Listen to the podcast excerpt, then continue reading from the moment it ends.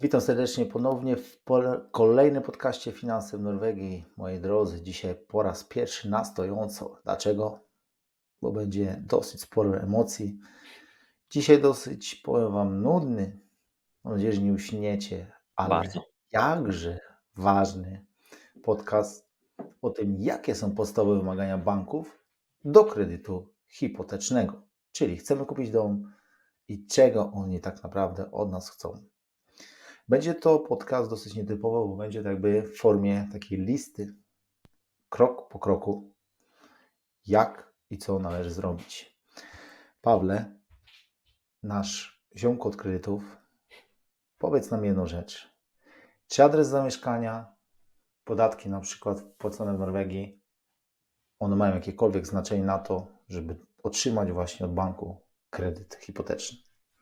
No właśnie, ostatnio okazuje się, że jest to taki jeden z podstawowych wymogów, tak? Jakby e, wcześniej, może powiedzieć, banki nie zwracały na to tak bardzo uwagi, nie pytały o to, a w tym momencie jakby te kraje zaczynają tak mocno współpracować na poziomie podatków i, i, i tak dużo jest opcji tego, gdzie te podatki są płacone, że coraz bardziej na to patrzą, tak? I trochę zdaje się, że wychodzą z takiego założenia, że jeżeli ktoś jest zarejestrowany jednak w Polsce i tam ma tą powiedzmy bazę finansową, tam płaci podatki, e, no to to jakoś, jakoś banki czują się mniej bezpieczne e, i, i stwierdzają, że kogoś takiego nie chcą w jakimś sensie, tak? Że jednak musi być ten, ten adres zamieszkania tutaj lokalny. Mhm. Okazuje się, że też dosyć ważną rzeczą przy okazji tego adresu jest to też, żeby mieć norweski numer telefonu, bo też. O, chyba coś nowego.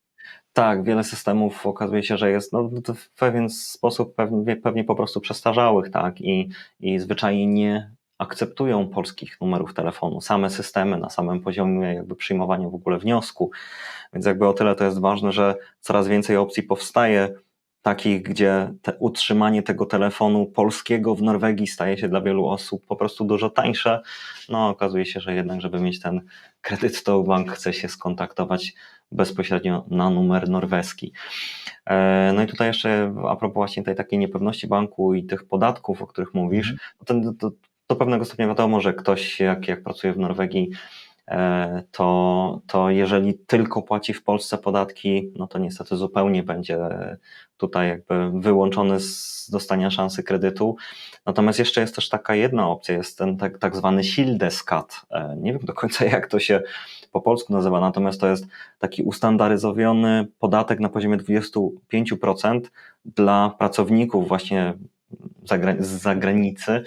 E, I z tego, jak ja rozumiem ten system, to również tam e, przede wszystkim jest tak, że, że ktoś poniekąd deklaruje, że swoje centrum życiowe ma w Polsce i to może nie byłoby jakimś takim wielkim problemem e, dla banku, bo jednak te 25% podatków jest mhm. odciąganych i da się to wszystko zweryfikować, ale znowu jedną, są jakby dwie kwestie. Jedna rzecz to to, że, że znowu dajemy znać bankowi, że jednak gdzieś indziej mamy to swoje centrum życia, a drugą rzeczą jest to, że przy tym podatku bardzo często w ogóle nie chce system norweski utworzyć skatemellingu, a skatemelling jednak jest dla E, dla norweskich banków szalenie ważny i on jest jakby taką podstawą do, do, do sprawdzania tych wszystkich e, wszystkich powiedzmy kwestii dotyczących właśnie zarobków, tego, czyli ile ma posiadane pojazdów, dzieci, kredytów i tak dalej, tak? No e, czyli, czyli to wszystko jest, jest szalenie ważne. A jak to powiedzmy, Pawle, trzeba mieć stały numer personalny, czy D numer wystarczy, żeby wykupić, zakupić dom? Wiesz co, w tym momencie też zdecydowanie musi być tak naprawdę stały numer personalny, czy już ten pełny FedSales numer, tak? E, jest jeszcze tak, że jeżeli mm, ten, ten główny kredytobiorca, e, bo też tutaj głównie będziemy dzisiaj mówili o kredycie e, hipotecznym czy mieszkaniowym, to jeżeli pierwsza osoba, ten główny kredytobiorca ma stały numer personalny, a druga jest w trakcie wyrabiania jego, to jest jeszcze szansa na to, że to przejdzie, tak? Okay. przynajmniej tak twierdzą banki. Natomiast znowu banki się poniekąd trochę wykładają na tym elemencie, że ta osoba, która ma ten, ten tymczasowy numer personalny, ten numer, mhm. ma dużo większy problem z tym, żeby zdobyć Bank ID, więc ma później problem z podpisem pod kontraktem albo nawet udzieleniu, e, żeby udzielić bankowi dostępu do swoich danych finansowych. No właśnie, odnośnie podpisu, bo wiadomo, że konto często trzeba mieć w norweskim banku, nie Revolut, No, dokładnie. i podpis cyfrowy Banku ID. Czy on jest aż tak ważny właśnie dla banku? Czy to Mhm. ma znaczenie dla nich? Mhm, Znaczy będzie miał znaczenie, tak, zdecydowanie. Znaczy można powiedzieć, że samo konto w norweskim banku e, jakby teoretycznie nie powinno być bezpośrednio kluczowe, bo bank może założyć nam konto, ale przez to, że oni w ogóle, żeby sprawdzić zdolność kredytową, to muszą dostać od nas zezwolenie na dostęp do wszystkich danych związanych z nami, do, do, do, do, do Altina, do Skatetaten, do tych wszystkich, do sprawdzenia zdolności kredytowej i tak dalej. To my nie, nie, już na tym etapie w zasadzie no, prawie żadnemu bankowi nie będziemy w stanie udzielić tego zezwolenia, jeżeli nie będziemy mieli tego podpisu cyfrowego Bank ID, a jeżeli nie mamy konta w norweskim banku, to nie będziemy mieli tego Bank ID, bo te rzeczy jakby nie było są, są mocno, mocno połączone. niektórzy korzystają z bypassa, tak? Jeszcze. Mm, To powiem Ci, jeszcze, jeszcze nie zdarzyło mi się, nie zdarzyło mi się, żeby, żeby któremuś bankowi udało się udzielić przy pomocy bypassa e, tych wszystkich dostępów. Pewnie, kurczę, tak jak mówisz, pewnie byłoby to, było na to szansa, bo, bo faktycznie są to rozwiązania, tak jak ja to rozumiem, dosyć, nie może równoważne, tak? W, w taki sam sposób jesteś w stanie e, się zautoryzować, tak, że ty to ty. A powiedz mi tak, bo czy stałe źródło zarobków, czyli praca stała i co to znaczy to, tak naprawdę? Stałe źródło zarobków, jakie to ma znaczenie dla banku? Co według Mhm. Ciebie jest stałym za- źródłem zarobków? To jest te 100%? Czy to jest kontrakt na 2 lata, na 3, na 5? Nie wiem, jak to wygląda. Na stałe? Właśnie. Mhm, To tak, tak jak mówisz, że w dużej mierze będzie to kontrakt na stałe, tak? Mm, Natomiast tutaj o tyle jest, może inaczej. Em, Większość banków chciałoby widzieć przynajmniej dwa zeznania podatkowe z dwóch, dwóch najlepiej pełnych lat, tak? E, Mhm. Czyli tak naprawdę tak jakby to poniekąd wymusza to, że ktoś powinien być w Norwegii minimum dwa lata, tak naprawdę dwa i pół, żeby faktycznie te zeznania się utworzyły. Wszystko, co jest już ponad dwóch, dwa, poniżej tych dwóch lat, najczęściej wymaga opisania wniosku dokładnie, co się stało, dlaczego, czy nie było tych dwóch lat. Jakby właśnie takie wnioski typowo, które, gdzie, gdzie, gdzie ktoś nie jest aż tak długo w Norwegii, e, no to jeżeli złożymy do jednego z takich większych banków typu DNB albo Nordea, gdzie oni bazują bardzo mocno na, na samym wniosku i na tych danych, które im system zaciągnie i pokaże e, czarno na białym, e, no to one najczęściej z automatu są w ogóle odrzucane, tak? Jakby nawet nie dojdą do, do, do bardzo często do żywej osoby, która będzie mogła to rozpatrzyć, tak? E, No ale właśnie, jeżeli jest ten krótszy okres e, niż te dwa lata zarejestrowanej pracy, to musimy to wszystko o- opisywać, tak? Wtedy najczęściej dosyłamy kontrakt z pracodawcą, jakby pokazujemy bankowi, że ok, tu ten okres e, pracy na przykład mm, to było 9 miesięcy, ale już po 6 mamy stały kontrakt, te zarobki są stałe. Ktoś robi na przykład coś, co robi już w Polsce i ma bardzo duże doświadczenie i pracodawca jest zadowolony. Jakby zapewniamy ich, że to naprawdę jest pewna praca, pewny zarobek, że można tę tę stawkę, którą widzimy z ostatnich miesięcy wziąć jako coś, co będzie nam się zgadzało też na przyszłość, tak?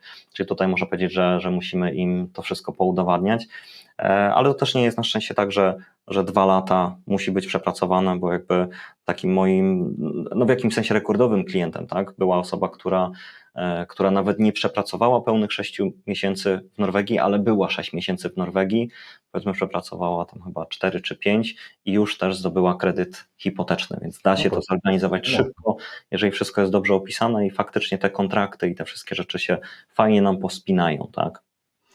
Czyli powiedz tak, adres zamieszkania, podatki, stały numer personalny, konto w norweskim banku, bank ID, podpis ten cyfrowy, stała bilna, stała praca. A Mhm. jak to wygląda e, z wkładem własnym? Musi być. znaczy, Nie da się ominąć. A ile? Ciężko, Ile? ciężko. Co, no faktycznie będzie potrzebne te 15% wkładu własnego jako to, to, to pewnego rodzaju minimum. no te zasady też coraz bardziej się zaostrzają tak naprawdę, tak, i te wymagania ich, można powiedzieć, rosną, e, no i przynajmniej z, nie jestem pewien, jak wygląda to przy bezpośredniej próbie podejścia do banku i porozmawiania z nimi bezpośrednio, czy spytania się ich, czy jakiekolwiek są opcje. Natomiast tutaj my współpracujemy z kilkoma bankami, jakby tak naprawdę wszystkie, no w tym momencie osiem banków, które organizuje kredyty e, hipoteczne, stwierdziły, że one tak naprawdę nie chcą od nas nawet wniosków przyjmować, jeżeli nie ma tych minimum 15%. Tak? Jeżeli jeszcze ktoś, jeżeli to jest nieruchomość, własnościowa, to jeszcze trzeba pamiętać, że tam dodatkowo jest 2,5% podatku dla państwa norweskiego i to też jest podatek w naszej kieszeni i też bank musi mieć pewność, że my ten podatek zapłacimy, bo inaczej państwo norweskie za, zablokuje tak naprawdę tą transakcję. Tak? Więc w praktyce można powiedzieć przy nieruchomościach własnościowych, gdzieś tam najczęściej to będą jakieś domki czy bliźniaki, e, czy chociaż mieszkania własnościowe też są, tak? To jeszcze trzeba brać poprawkę na ten, na ten podatek. Hmm. Finanse, finanse, moi drodzy. A powiedzmy tak, Pawle, jestem powiedzmy 5 lat Norwegii, stabilna praca, wszystko to, co wcześniej wspominaliśmy, mam. Mhm. No ale wiesz co, ja nigdy nic nie brałem na kredyt. Wszystkie rachunki opłacone, podatki. Czy to ma też wpływ na to, że dostanę? Może ja powinien mieć jakąś historię, wiesz? Rewelacyjnie. Jeżeli ktoś nie ma, jeżeli, znaczy tak, najlepszą informacją dla banku przy sprawdzaniu zdolności kredytowej jest brak historii kredytowej jakiejkolwiek, wbrew pozorom. Znaczy nie, bo to jest tak, że e, tutaj jakby budowanie e, tej, tej historii kredytowej, tej zdolności kredytowej odbywa się przede wszystkim na bazie naszych zarobków, tak, tego ile zarabiamy, że to są solidne zarobki, że jest przyszłość na to, że one będą takie same, albo co naj, w najgorszym wypadku będą rosły, e, to to jest to, co buduje tą główną zdolność kredytową, tak? Także to, że ktoś nie miał żadnych kredytów, e, nie ma jakby, nie, nie jest w tych systemach ani w jakim sensie powiedzmy w pozytywny sposób, ani negatywny sposób, to tak naprawdę jest bardzo ważne, tak? Natomiast właśnie jeżeli ktokolwiek byłby w jakikolwiek negatywny sposób, typu właśnie przypadki nieopłacenia jakichś rachunków, gdzieś gdzie to doszło aż do tego poziomu inkaso, czyli jakby zgłoszenia do tego, do tego biura ściągającego e, należności, no to tam potrafi to wykluczyć zupełnie z udzielania kredytu nawet na 3 lata, tak? Banki to po prostu sprawdzają, to jest coś, co wyskakuje im z automatu na, na czerwono. E, takie rzeczy też niestety. Takie, takie rzeczy. A to, to może być czasem. Tak samo jest. Mm, I to nawet może być bardzo mała rzecz, tak? Typu jakiś, nie wiem, mandat, tak? Którego nie zauważyli. Jakby czasami da się to wyjaśnić, natomiast najczęściej niestety, e, niestety, tak jakby, no nie wiem, uznają, że to jest w jakimś sposób e, na tyle duże dla nich zaniedbanie, że, że, że nie przyjmują tego, tak? No i sprawdzają standardowo, można powiedzieć, że chodzi o to, to, to, to nawet, nawet 3 lata ostatnie, tak? No i oprócz tego jakby taką rzeczą, która sprawia, że ewentualnie głębiej grzebią w czyjejś historii jest to, że, że mamy też ten system scoringów kredytowych, tej, tej takiej powiedzmy nie tyle zdolności kredytowej, która wiąże się z maksymalną kwotą, jaką możemy otrzymać, tylko takiej punktacji bezpieczeństwa klienta. Tak? I w momencie, kiedy mamy jakiś przypadek inkaso, to ta punktacja może nam spaść bardzo nisko, na, nawet na wiele, wiele lat. Tak? E, I powoli ona się odbudowuje, więc to też, też jakby ma niestety swoje konsekwencje. Tak? No i tutaj powiedzmy, można powiedzieć, że takim wyjątkiem od tego, gdzie, gdzie nie możemy mieć żadnego przypadku niespłacania jakichś właśnie rachunków, czy to kredytów, czy, czy e, brońcie panie, jak to mówią, e, podatków do państwa norweskiego, to chyba jeszcze gorzej. To jest ewentualnie jakiś kredyt oddłużeniowy, tak? bo to też jest tak naprawdę kredyt hipoteczny, bo tam bierzemy, musimy wziąć zabezpieczenie w jakiejś nieruchomości, w której da się to zrobić, natomiast wtedy faktycznie da się to tak jakby powiedzmy przymknąć na to oko, tak? No ale wtedy też mimo wszystko trzeba posiadać jakąś nieruchomość, więc to też troszeczkę inna kategoria. Co, bo jest taki mit, ja spotkałem się z wieloma klientami, że właśnie, a wiesz, ja planuję nieruchomość i muszę mieć jakąś historię krytą, dokupię jakiś samochód, mhm. na kredyt, część połowę gotówki, połowę coś tam, nie? No i to chyba nie do końca zgadza się z tym, co ty powiedziałeś. Nie, zdecydowanie nie. Jakby to, w, w, to nam generuje przede wszystkim jakieś koszty, tak. E, ale jeżeli chodzi o perspektywę takiego banku udzielającego kredytu hipotecznego, to, e, to jakikolwiek kredyt obniża nam zdolność kredytową, często dosyć mocno, tak.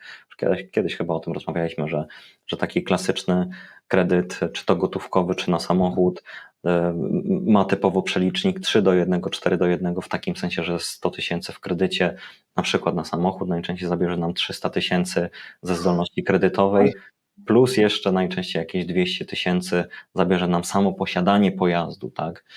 Więc jakby, no nie, zdecydowanie, zdecydowanie jakby budujemy to tym, że mamy tą pracę jak najsilniejszą, pilnujemy wszelkiego rodzaju rachun rachunków i to, że tak jakby w Norwegii żyje się dosyć drogo, są te wszystkie opłaty, to tak jakby udowadniamy bankowi, że nie będzie z nami problemu, e, no dzięki temu, że wszystko mamy idealnie popłacone, mimo tego, że no, musimy żyć, więc mamy ten koszt życia dosyć, dosyć wysoki, tak? ale jeżeli z nim nie mieliśmy problemu, to też łatwiej bankom założyć, że w takim razie nie będzie problemu jako takiego z kredytem. Tak? Wspominałeś tu, Pawle, o zeznaniu podatkowym, czyli skatemelding Mhm. dwóch, trzech ostatnich lat. Co dla Ciebie jako doradcy finansowego jest dobry skatemelding? Co to w ogóle znaczy? Znaczy właściwie jak rozmawiamy z bankami, to oni właśnie często mówią, że tak, że, że ten skatemelding musi być dobry. E, No i tu też kiedyś.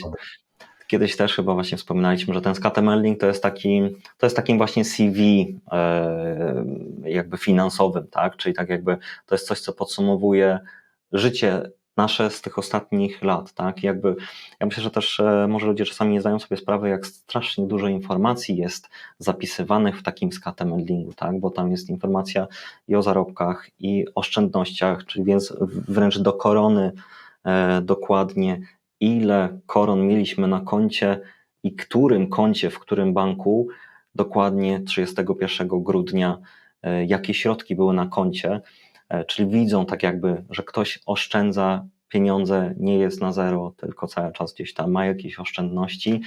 E, też właśnie środ- jakby kwestie już typu, typu inkaso, czy wszelkiego rodzaju kredyty, one też trafiają na skatemelding, więc, więc jakby można powiedzieć, że trochę warto dbać o to, żeby ten skatemelding był powiedzmy czysty, prosty, Czyli jakby widać te zarobki, e, może jeżeli tylko się da, to bez na przykład dwóch, trzech zmian pracodawcy w skali jednego roku, bez, No e, bez dwóch, trzech kart kredytowych. E, jak jest jedna z takim sensownym limitem typu 50 tysięcy, to oczywiście nie jest to żaden problem. Tak samo jeżeli jest jakiś jeden niewielki kredyt, na nawet gotówkowy, czy jakiś kredyt na samochód, to, to wszystko są rzeczy naturalne, tak? Natomiast jeżeli nagle się pojawią ślady trzech, czterech, pięciu kredytów, e, no to nawet jeżeli one są zupełnie spłacone, to bank będzie na to patrzył tak, e, no coś tam się jednak dzieje, dzieje się dużo i niekoniecznie dobrze, tak? E, powiedz mi kolejny etap. Powinniśmy wypełnić wnioski ze wszystkimi wymaganymi danymi. I powiedz mi dla Ciebie, jakie to ma znaczenie? E, Znaczy, wiesz co, Może to jest tak, że to się, dla to się, klientów. tak, tak, wiesz co, to się zdaje, że kurczę, to wypełnienie, wypełnienie wniosku, że to jest taka, taka rzecz totalnie oczywista, tak? A Okazuje się, że Nie do końca. E, Nie, jednak naprawdę nie do końca, bo jakby tak dużo jak jest błędów w tych formularzach i tak jak one są czasem w jakimś sensie niestarannie wysyłane, no to ja czasami dziwię się, że przy bezpośrednim kontakcie z bankiem naprawdę jakiś wniosek jest odrzucony, tak? Jakby też tutaj, e, jeżeli ktoś współpracuje ze mną, to, to gdzieś tam ma trochę przechlapane, bo musi dużo rzeczy robić, jakby linijka po linijce, e, z dużą ilością linków i dużą dokładnością, ale naprawdę po prostu no jest to tak strasznie mocną podstawą, że no, musi to być dobrze wypełnione, tak? Tam nie ma, nie ma prawa być jakichś takich e, podstawowych, e, niepotrzebnych błędów, tak? No i też jakby taką, taką rzeczą, która też zdawałaby się, że jest e, zupełnie podstawową, jest to, że jeżeli z kimś współpracuję, a bardzo często współpracuję z kimś, kto wysyła wniosek o kredyt hipoteczny, ale pierwszy swój kredyt w Norwegii, pierwszą swoją nieruchomość w Norwegii, to też nigdy nie wysyłamy klasycznego wniosku, jaki często widzę, że ludzie wysyłają, tylko wysyłamy dedykowany wniosek dla osób, które ubiegają się o swoją pierwszą nieruchomość. Tak naprawdę sam formularz wygląda JWJ dokładnie tak samo, ale na dzień dobry już dostajemy inną stawkę, inne oprocentowanie, bo jesteśmy jakby faworyzowani bez względu tak naprawdę na wiek, e, z tego względu, że to jest nasza pierwsza nieruchomość, pierwsza rejestracja. Wszystkie banki wiedzą, że jest to trudniejsze i, i też jakby no, bardzo podstawowa rzecz, ale też trzeba wiedzieć, który wniosek tak naprawdę wysłać, żeby było dobrze, tak? Powiedz mi tak, wypełniam ten wniosek. A jak to wygląda z tym sprawnym dostarczeniem tych wszystkich dokumentów? Aha. Bo to też powinno być oczywiste. No co, wypełniam ci, wysyłam, tak? No tak, znaczy, hmm, tutaj wiesz co, e, to może tak, jeżeli, jeżeli to jest jeszcze dosyłanie dokumentów do mnie, to to, że ktoś to robi na przykład etapami, nie zepnie wszystkiego w jedną paczkę i, i wyśle, to jest jeszcze spoko, tak? Ja sobie tam to poukładam, po, pooznaczam czas, chociaż oczywiście jakby, jeżeli ktoś jest w stanie spiąć wszystko w jedną całość w kilku mailach, tak, ale powiedzmy, że, że nie, nie co drugi dzień e, mail z dwoma dokumentami, tylko jednak w całości wysłane, no to to jest najlepsza sytuacja, tak. Ale powiedzmy, tak, jeżeli jest już taki moment, gdzie wniosek został wysłany do banku i dostajemy informację zwrotną z banku i oni proszą nas jeszcze na przykład o trzy dodatkowe dokumenty, to my naprawdę powinniśmy się maksymalnie starać o to, żeby te dokumenty im dosłać w przeciągu dnia, maksymalnie dwóch, tak? Bo jakby wiem, widzę zupełnie bezpośrednio, że co jakąś chwilę w systemie takiej osobie e, od strony banku pojawia się, ok, masz aktywny wniosek, ale nic się z nim nie dzieje. I ona się tak naprawdę zwyczajnie wkurza, że coś jej wisi, tak, co powinno pójść już dalej. Mm. E, I też widzę po prostu, ale to najczęściej na szczęście tak działamy z klientami, E, że dosyć sprawnie wszystko dostarczają i wiedzą, że to jest ważne. Ale też widzę właśnie, że zupełnie inne podejście jest do klienta i do wniosku, zwłaszcza jeżeli on jest nieco skomplikowany albo nieco trudny, a bardzo dużo tych spraw jednak z Polakami jest trudnych, choćby z tego względu, że jest tam element, e, w którym trzeba udowodnić e, dokumenty, jeżeli chodzi o, o źródło wkładu własnego. To, to zupełnie inaczej widzę, że ktoś współpracuje z taką osobą, ma trochę więcej rezerwy, czy więcej takiej siły na to, żeby pchnąć coś dalej, mimo tego, że jest to dla niego odrobinę trudne. Jak już dołożymy ten element, gdzie, gdzie naprawdę się ociągamy z dokumentami i robimy im po, po drodze problemy, no to tak jakby zmniejszamy ilość tej rezerwy na, na samo pchnięcie tego dalej, mimo tego, że to jest trudne. Tak? Czyli moi drodzy, jeżeli macie możliwość, wypełniajcie dokładnie, przesyłajcie te dokumenty jak najszybciej, ponieważ ja to już mówiłem w wielu podcastach, że jak masz komplet dokumentów, to wszystko zazwyczaj działa od ręki, tak? Mm. Brakuje, zaczyna się to ciągnąć, przeciągać, wnioski są odrzucane, wnioski są zawieszane i zaczyna się nerwówka. I zarówno dla Was, jako tych, którzy się ubiegają, jak i również dla radców finansowych, którzy chcieliby Wam pomóc zamknąć sprawę jak najszybciej, a wisi gdzieś takich spraw powiedzmy z 50. I co wtedy? E, Pawle, powiedz mi jeszcze jedną rzecz, bo przeszliśmy przez dosyć wiele punktów. I skąd w ogóle te wszystkie wymagania się wzięły? Dlaczego aż tak dużo rzeczy musimy dopilnować, żeby dostać taki kredyt? Mm. Wiesz to bo e, też kurczę, nieraz słyszę takie, takie pytanie, albo chociaż. Rozmiar buta? Może jeszcze. No właśnie, coś na dokładnie tak, że coś. Rozmiar czego innego. Panie, co ja mam jeszcze podać? Jezu, czego oni od nas chcą, czego w ogóle ten. No, tak, tak jak mówisz, rozmiar buta, rozmiar stanika i, i nie wiem co tam jeszcze. E, no ale z drugiej strony to rozmawiamy o kasie. Temat trochę ciężki, drażliwy yy, i nierzadko ktoś na przykład chce pożyczyć od tego banku jedynie cztery banieczki i kiedy tak zaczyna się tych zer robić właśnie dużo, gdzie jest ich yy, sześć lub, lub czasami nawet i więcej, no to jednak mówimy o grubszej kasie, tak? I jakby ja się tak trochę tym bankom nie dziwię, bo bo jednak jest to tak, że oni nas zupełnie nie znają, mają pożyczyć swoją kasę obcej osobie, I, Tak. I to tak naprawdę jest takie trochę kurcze ludzkie działanie, tak? Jakbym miał sam pożyczyć komuś grubą kasę, to też bym go sprawdził tak wnikliwie, jakbym tylko był w stanie, tak? Proste. E, jakby już zupełnie inną kwestią jest to, że oni mają po prostu szalenie, szalenie dużo wyznaczników narzuconych przez państwo norweskie.